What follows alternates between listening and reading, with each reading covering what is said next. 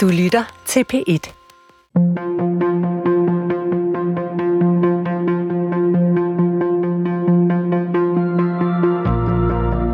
Kan vi lære noget af en 2000 år gammel bog? Vi moderne mennesker mener, at vi er frigjorte fra fortidens overtro og tankemønstre. Men kan vi overhovedet forstå os selv og det samfund, vi lever i, hvis ikke vi forstår Bibelen? Journalist Lauke Hendriksen læser de hellige skrifter for første gang, og han spørger, hvad vi egentlig kan bruge dem til i dag. Han har bedt forfatter Christian Litt, der mener, at Bibelen er verdens vigtigste bog, om at komme med bud på fortællinger, der gør os til dem, vi er.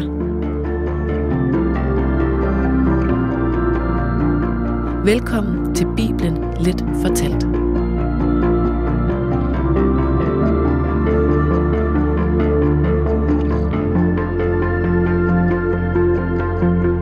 Den brændende busk. Vi tager os i dag af en af grundstenene i den jødiske historie, og vel en af de mest centrale personer i Bibelen, og i højeste grad for jøderne, Christian. Det må man sige. Øh, Moses er øh, den eneste sådan rigtige af de gamle testamentlige karakterer, som har fået øh, tegnefilm, øh, store, stort anlagt tegnefilm lavet om sig. Øhm, men det er, det er altså ham, der øh, befrier jøderne fra Ægypten, øh, sender 10 plager efter farven og øh, det egyptiske folk, og senere får de 10 bud fra Gud. Øhm, denne her, det her skriftsted, er sådan lidt en, en zoom ind på den scene, hvor Gud viser sig i en brændende busk, øh, og vi får Moses og giver ham hans opdrag, og vi får et indblik i to afgørende forvandlinger. Den ene, det er Moses fra hans tvivl til hans accept af hans store job, og samtidig også en forvandling i Gud, for det her det er faktisk en ny Gud, der optræder på det her tidspunkt. Ja, så vi kan vel i høj grad snakke om et turning point for både, både Moses, men også Gud og dermed hele Bibelen. I høj grad.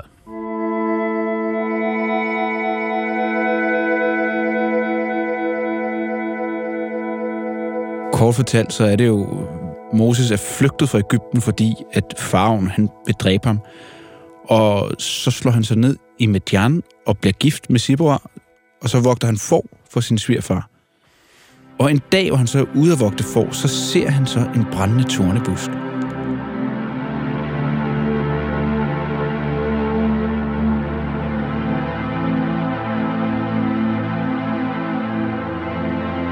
Anden Mosebog, kapitel 3 og 4. Moses vogtede for for sin svigerfar Jethro, præsten i Midian. Da han engang havde drevet forne langt ud i ørkenen, kom han til Guds bjerg, Horeb. Der viste Herrens engel sig for ham i en flammende ild fra en tornebusk.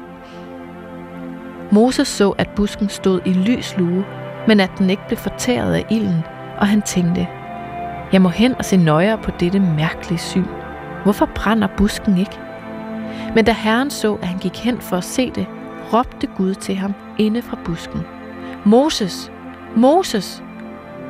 Han svarede, ja, og Gud sagde, du må ikke komme nærmere. Tag dine sandaler af, for det sted, du står på, er hellig jord. Og han sagde, jeg er din fader Gud, Abrahams Gud, Isaks Gud og Jakobs Gud. Der skjulte Moses sit ansigt, for han turde ikke se Gud.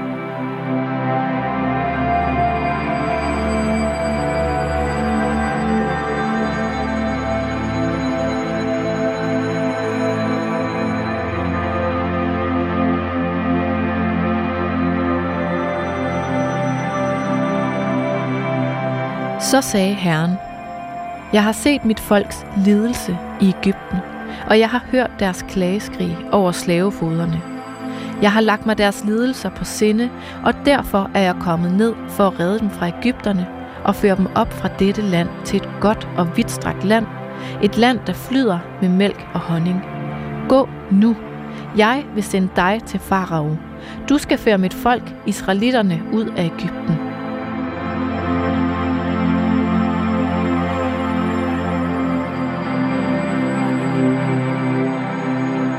Og her er det, at Gud han udpeger Moses til at være den, der skal frelse jøderne fra Ægypten og føre dem til det hellige land, som flyder med mælk og honning. Det, det bliver, skrevet, bliver beskrevet flere gange. Og det hellige land, vi snakker om, det er det, som vi i grove træk betegner som Israel i dag. Ja, det, det er ligesom hele urmyten, øhm, den, den, den jødiske og israelske myte om, om Gud, der skænker dem det her land. Og det, det er det her er en del af legenden, kan man sige, om, om Moses. Øh, og legenden prøver meget overlagt i fortællingen om ham som, en, som den store fader til israelitterne, og den person, der senere får pakten mellem Gud og hans folk i hus. Der er dele af den her historie. Øh, man husker måske, at han blev lagt i en sivkur som barn og taget mm. op af farvens datter og sådan noget her. Det er faktisk dele af en endnu ældre legende øh, fra Mesopotamien. Øh, så, så det er sådan, det, det, det er ret klart, at han er en mytisk figur fra starten af. Og det er, det er sådan ligesom fortællingen om, hvordan han får sin store livsopgave. Den, der ligger grund for ikke bare hans historie, men, men israelitternes som sådan. Så, så det vil sige, at det her det er også en, en karakter, som eksisterer i øh, væsentligt ældre myter også? Ja, vi, vi ser i hvert fald tegn på her, ligesom vi gør med Noras Ark og, og, og, og flere af historierne, at vi har, vi har fat i noget sådan, ja, som Joseph Campbell vil kalde sådan arketypisk eller grundmytologisk. Der, der er nogle historier her, som ikke bare er vigtige for jøderne, men, men har været vigtige i, i hele den her del af verden. Og så bliver den så altså drejet ind på en specifik jødisk historie. Meget unik historie. Altså det hele setupet, at de er slaver i Ægypten, og undslipper det, og, og, og det gør dem til Guds udvalgte folk, er en helt unik historie. Der er, ikke, der er ikke særlig mange andre folk, hvis nogen jeg kender til, hvis formativ myte er, at de er, du ved, øh, tvungne arbejdere i et andet land, og så øh, stikker af. Hvis man skulle prøve at tage en dansk kontekst, at, at så skulle det være, at vi som, som et helt dansk folk, eller nordisk folk, hvis man skal prøve at brede den lidt ud, har været fanger nede sydpå et eller andet sted, og så er vi sammen flygtet op til det hellige land, øh, Danmark eller Norden, eller hvad vi skal kalde det. Altså, det, det er vel der, vi er henne af, ikke? Jo, det, det, det, er en, det er en national fortælling og en kulturel fortælling og en religiøs fortælling på én gang.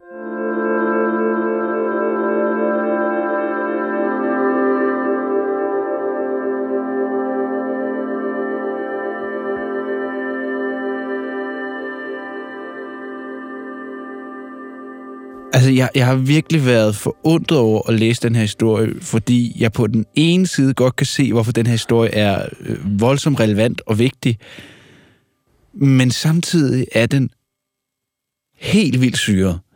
Mm. Øh, altså, jeg, jeg er personligt en meget pæn dreng, og det vildeste, jeg har eksperimenteret med med stoffer, det har været en haska engang. Men det minder lidt om den oplevelse, øh, kort fortalt, øh, og det er nok også derfor, jeg ikke har gjort det så meget mere. Jeg var overbevist om, at jeg var en lille varul med orange pels. Min ven ved siden af, han er overbevist om, at han har regnet det hele ud. H- mm. Hvad det var, han havde regnet ud, det er vi lidt usikre på i dag. Men han havde i hvert fald regnet det hele ud. Og den her fortælling er også for mig sådan lidt Bibelens version af Lucy in the Sky with Diamonds.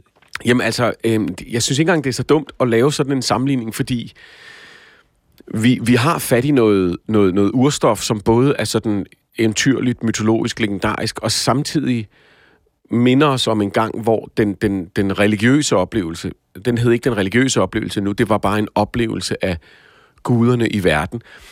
Det hang ofte sammen med trancer og øh, euforiserende stoffer og ritualer og ceremonier og drømme. Det er sådan, man stadig møder guderne i dag i animistiske folkefærd, øh, og, og det virker meget fremmed for os. Fordi vi har en tendens til at tænke på Gud som, som den moderne Gud, denne her øh, allestedsnærværende, øh, altvidende, kosmiske skaber, der, der, der ved alt og er øh, i os alle sammen, og så videre, så videre. Og, og hvis man mm. læser den her tekst med, med det gudsbillede, ja, så, så bliver det lidt mærkeligt. Hvorfor skulle den Gud øh, vise sig for Moses i en brændende busk? Det virker sådan lidt øh, omstændigt og, ja, som du siger, syret. Og, det, og det, det leder os på sporet af, at det er ikke den Gud, vi har med at gøre. Vi har at gøre med guden, altså, hvis man snakker om, der er to, i hvert fald to guder i det gamle testamente. Ham, der har skabt det hele, vil bare sige, lad der blive lys. Og så ham, der går rundt og leder i paradisets have og ikke kan finde ud af, hvor Adam og Eva gemmer sig. Så er det helt klart ham, den gamle Gud, vi vi har fat i. Øhm, så, så Moses er kommet til det, der står beskrevet som Guds bjerg, bjerget Horeb. Det er ret specifikt. Øh, han siger, Gud siger til Moses, tag din sko af, for du er på et helligt sted. Mm. Det vil sige, det her det er ikke bare fordi, at Gud har valgt at gøre det her bjerg helligt.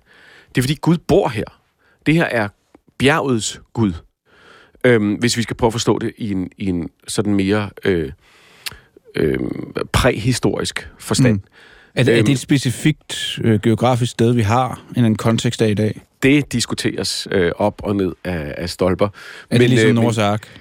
Ja, ja, lige præcis. Der, der er nogen, der mener, at, at det er et specifikt bjerg, men, men, øh, men det, det er det samme bjerg, som, som da Moses så tager ind og befrier øh, hvad hedder det, israelitterne, kommer tilbage til og går op på toppen af og får tavlerne. Igen for at vise, at det her det er altså der, hvor Gud bor. Og det vi lidt ser i den her tekst, det er mødet mellem to forskellige versioner af Gud. Den, den gamle, hvor man går hen og taler til ham, lidt ligesom i nordisk mytologi. Der, hvor han bor. Der, hvor du kan opsøge ham. Og så denne her idé, vi har i dag om Gud som værende, en, der er over det hele. Og, og, og, og, og spørgsmålet her, tror jeg, er ikke, hvor den her bizarre personlige Gud kommer fra. Altså, fordi det er den, der virker mærkelig for os. Øh, den her, som er forbundet med stederne og slægtsguder og så videre, så videre. Jeg tror, det, der er et interessant spørgsmål er, hvordan vi egentlig kom frem til en Gud, der var overalt hvilket på mange måder er mere abstrakt og uforståeligt. Mm. Det her, det er en Gud, som du går ud og møder et sted, øh, og så øh, øh, lover han dig, eller du, du laver aftaler med ham, du tilbeder ham, øh, laver pagter, han lover ting, hvilket er sådan, i og for sig sådan, som vi i menneskets 300.000 år øh, historie, der ser det ud til, at det er sådan nogle guder, vi har haft i mm. omkring 98 procent af tiden. Ikke? Det, så det vilde er egentlig, hvordan vi nu er kommet til en Gud, der skulle være alle steds. Vi kan ikke se ham, du ved, hvis der er nogen, der siger, at de har set ham, så lukker vi dem i et, i et, i et, på et sygehus. Mm. Øhm, øh, du ved, men, ja. men han er over det hele, og han ved alt.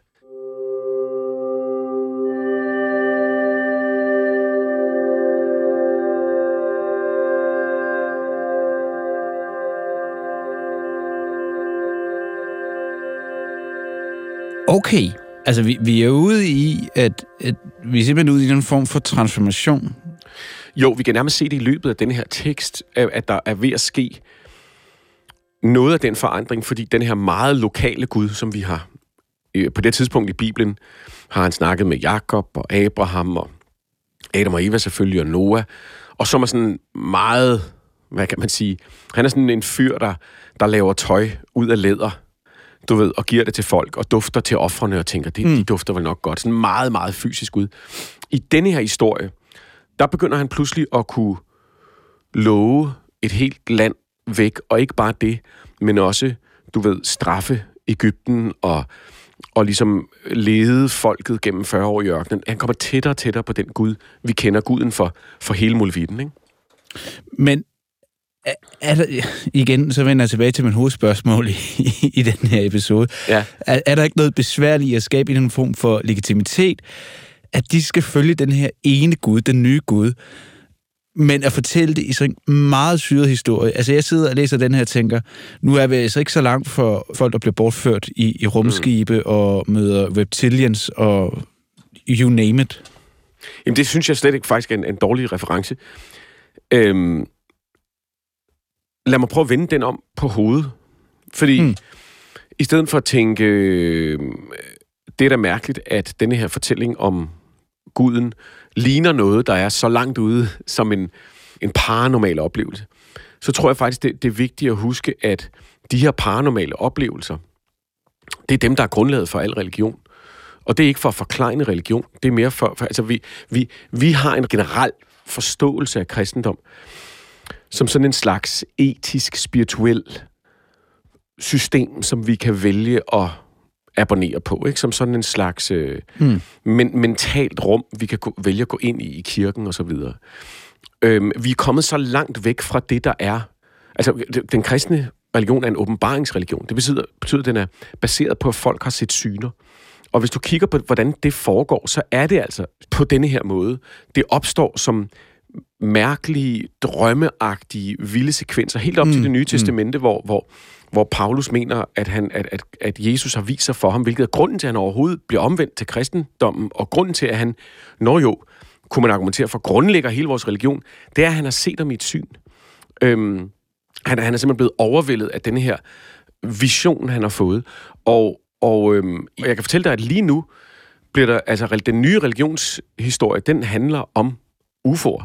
Den handler om folks møde med, du ved, alt fra genfærd og ånder til, til øh, ja, reptilians og aliens fra andre steder. Fordi det er faktisk det samme sprog. Og igen, det, det skal ikke lyde sådan... Øhm, det skal ikke lyde nedsættende. Det, det, er, det, det, efter min mening er det den mest interessante måde at kigge på netop sådan noget som UFO-fænomenet, eller folks oplevelse af, som du siger, at blive bortført. Øhm, som altså er noget, folk bliver ved med at opleve over hele verden, og som ikke giver nogen mening, hvis vi prøver at forstå det som, jamen, hvor skulle de her aliens tage dem hen, og hvor langt har de rejst, og kommer de fra Alpha Centauri, eller hvor, kom, hvor kommer de egentlig fra? Men så snart vi tager et skridt tilbage og siger, har vi set, sådan kan man sige, formen for det her før i historien, jamen så har vi set den i alle kulturer, i alle religioner, i alle mytologier.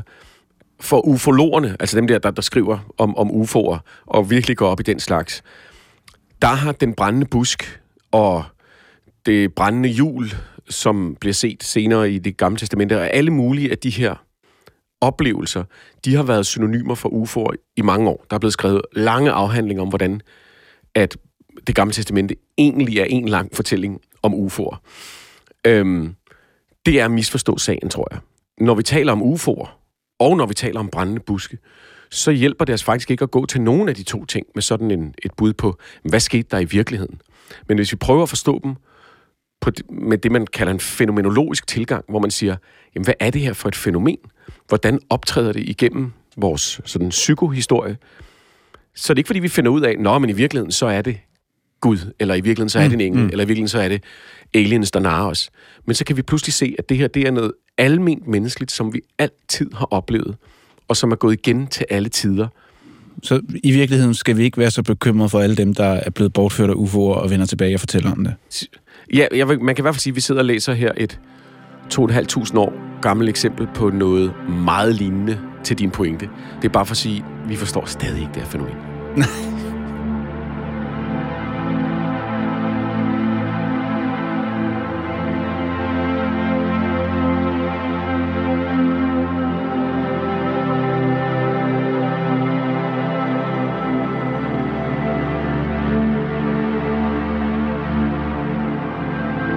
Moses sagde til Gud, Hvem er jeg, at jeg skulle gå til farao og føre israelitterne ud af Ægypten?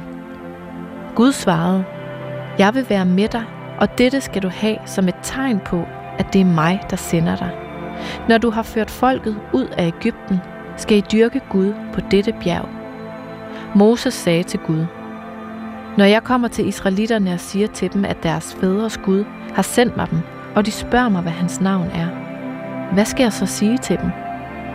Gud svarede Moses, Jeg er den, jeg er. Og han sagde, Sådan skal du sige til israelitterne, Jeg er, har sendt mig til jer.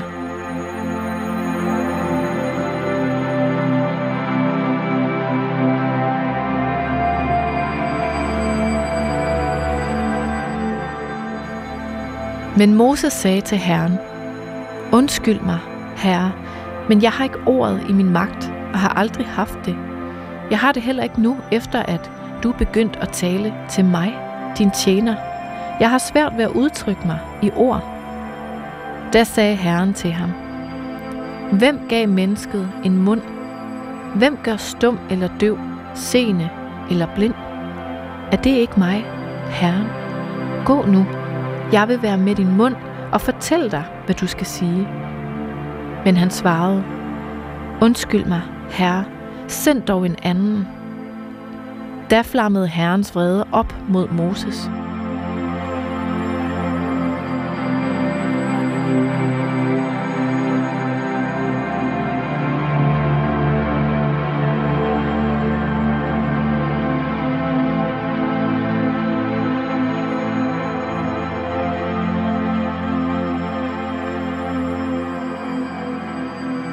Det er jo også Moses reaktion, da han møder ham herude ved, ved, ved den brændende busk, at han er sådan ret usikker, fordi han faktisk ikke vil have den her rolle.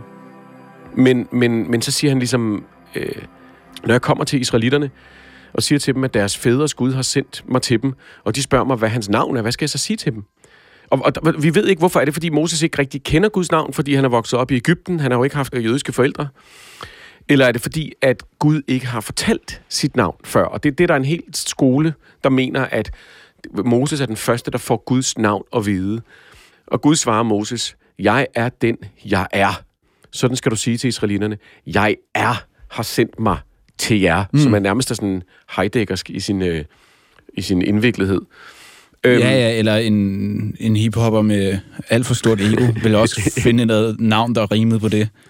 Og, og, og der ligger så et, et, øh, et ordspil på, på hebraisk, hvor at jeg er den, der er, øh, lyder som Yahweh, som så er det, mm.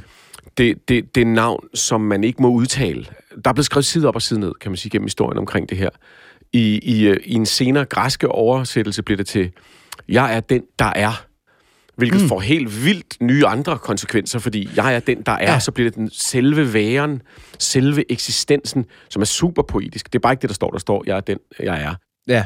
Det er et vildt moment i Bibelen, synes jeg. Det er sådan et vildt punkt i, i hele den her fortælling, hvor at, at når jo sådan den største karakter, helten over dem alle, han prøver på mange måder at komme ud af det her opdrag. Altså Gud siger til ham, at det er, nu skal du befri israelitterne.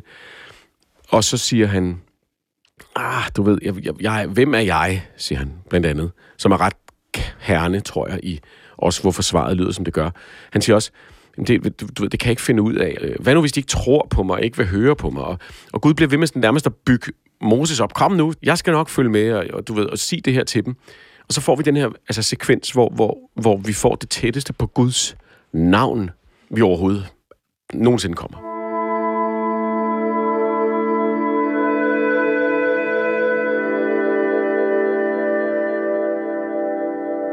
Og så, øh, så har vi Moses identitetskrise.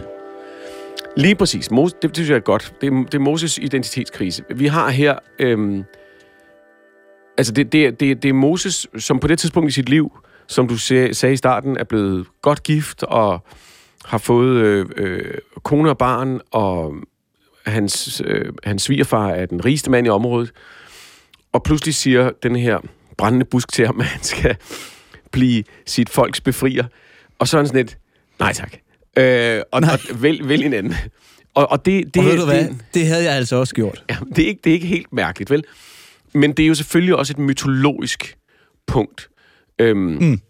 For det første er det noget, vi ser igen gennem Bibelen, at, at, at profeterne, når de får at vide, at de skal profetere, altid takker nej først. Det er sådan en måde at vise, hvor også sådan plotmæssigt, hvor ydmygt de er. At de, man, man, man stoler ikke på nogen, der siger, jeg er Guds profet. Man stoler kun på dem, hvis de har sagt, nej, det, det er simpelthen, det, det er jeg ikke værdig til. Men så er der selvfølgelig også sådan, apropos Joseph Campbell, uh, uh, The Hero's Journey, er det jo også, det er her, hvor Luke, øh, du ved, øh, hvor Obi-Wan Kenobi siger til Luke, at han skal komme og, med ham, og han siger, nej du, øh, jeg skal tilbage. Altså det, det er det første mm. call to adventure, hvor den unge held siger, det, det er jeg faktisk ikke klar til. Mm. Og så sker der noget i deres liv, som ligesom skubber dem ud over. Og det, der så er lidt interessant ved den her Moses-historie, det er, at hans, hans indvending er meget menneskelig. Den handler ikke om, at, at han er du ved, nerfherder på Tatooine. Den handler om, at han at siger, hvem er jeg? At jeg skulle gå til faraven og føre israelitterne ud af Ægypten. Mm. Og, og, og det, som du siger, det er fuldstændig uoverskueligt, når du tænker på Moses liv, altså at hans rolle senere, han vandrer igennem ørken med de der, altså millioner af mennesker ifølge fortællingen, øh, som han skal lede og styre, og det er fuldstændig uoverskueligt. Så det her, det er ligesom stedet, hvor det unge menneske står over for det valg, det er at skulle tage sit liv, tage sit livs opdrag på sig. Mm. Hvem er jeg? Og det, det er ligesom det store spørgsmål, vi alle sammen står med, når vi står over for de her vendepunkter i vores liv, om det er, at vi skal have unger, mm. eller blive gift, eller tage det store job, eller tage vores ansvar på os. Hvem er jeg? jeg var, lige før var jeg bare en unge. Lige før var jeg en eller anden uansvarlig person. Hvem er jeg, der skal kunne tage den her livs opgave på mig, og så kommer Gud i sådan lidt mere spirituel læsning, jo egentlig med et svar, som er, jamen, jeg er. Øhm, og det, det synes jeg er et ret smukt poetisk øjeblik. Vi sidder med sådan et øjeblik, hvor Moses finder sin form, og hvor Gud i samme sætning også træder i karakter et skridt tættere på den version, vi kender.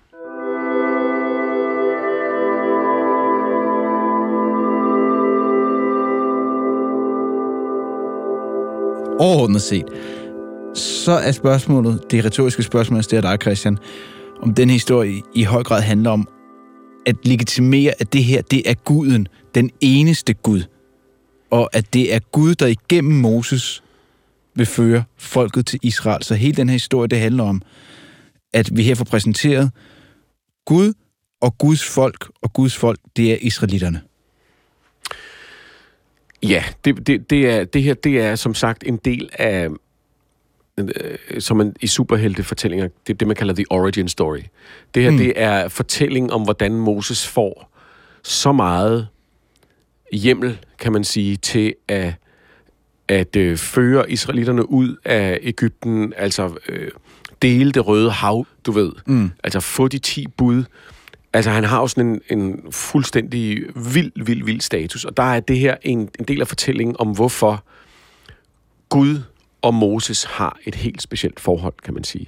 Og, og, og det på en eller anden måde er symbolsk for Guds helt specielle forhold til jøderne. Øhm, så, så, så det vil jeg sige, det, det, er, det, er, det er både sådan en, en begyndelse på et nyt kapitel, før vi har haft slægtshistorier meget, med Isak og Jakob og Abraham mm. og så videre. Og nu kommer vi til den her episke fortælling, altså en, en, øh, en, en Gud har før sagt til, til, til, til stamfædrene, som man kalder dem, har før sagt til dem, du ved, jamen, jeg lover, at I skal få det her land. Men nu tager han dem simpelthen i hånden, øh, mm. og leder, ham, øh, leder dem derhen. Ikke? Øh, oh, men, men han er også, det, det, er lige den, det er nærmest som, det er lige den opgave, jeg lige skal klare. Det har jeg også lige lovet dem på et tidspunkt. Ja, ja. Ja, og, og så, men så synes jeg samtidig ikke, at man skal miste blikket for, at det samtidig er den syrede historie, som du gjorde opmærksom på. At det samtidig er historien. Altså det synes jeg på nogen måder, at det er det mest realistiske ved den. Øh, og med det mener jeg, at, at den store, forkromede fortælling om, hvordan de finder deres land. En, Udover det er udvandring fra Ægypten noget af det, som man i arkeologien, og også efter man begyndte at kunne læse egyptisk, øh, egyptiske hieroglyffer, finder sådan cirka 0 beviser for. Altså, der er ikke noget tegn på, at der var nogen kæmpe udvandring. Der er ikke nogen, noget tegn på, at altså, hvis der nu havde været en eller anden form for virkelig hændelse, som var blevet mytologiseret her, det, det, det er der ikke rigtig noget eksempel på. Der er heller ikke noget rigtige beviser på, at de jøder, man mener bosatte sig på det tidspunkt, havde noget med fra Ægypten, sådan rent kulturelt. Så det er meget den her store myte. Men det, jeg faktisk synes er det mest realistiske, og grunden til, at jeg synes, det er også vigtigt, at vi har, har det med i det her program, det her med, at en person tager ud i, er, er taget ud i ørkenen og har haft en eller anden oplevelse af et eller andet, som de har set som en bevidsthed, eller en, en, en, en, en gud, eller en ånd, og at det har ændret deres liv og at det har ændret dem og hjulpet dem til, eller skubbet dem til at, at, at, at indtage deres rolle eller identitet eller deres, deres sådan samfundsmæssige position. Det er en historie, vi finder i shamanistiske folkefærd, i alle religioner og helt op til i dag med, med paranormale og livsskiftende oplevelser. Og det synes jeg på en eller anden måde er vigtigt at huske, at det er det, der er det universelle. Og det giver os på en eller anden måde en indgang til at forstå, de her tekster meget mere end, når jo, og så skrev han de her 100 regler bagefter. Det er de der oplevelser, som vi tit hopper over, der faktisk er almen menneskelige og øh, universelle.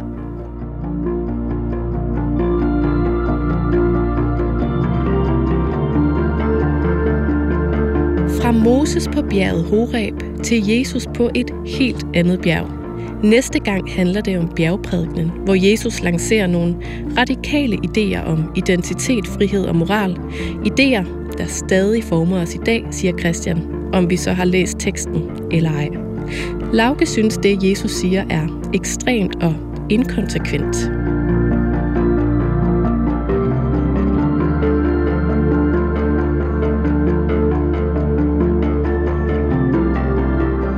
Bibelen Let Fortalt er produceret af Munk Studios for DR.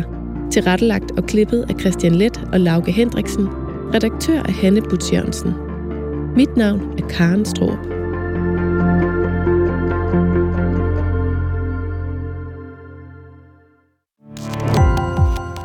Gå på opdagelse i alle DR's podcast og radioprogrammer. I appen DR Lyd.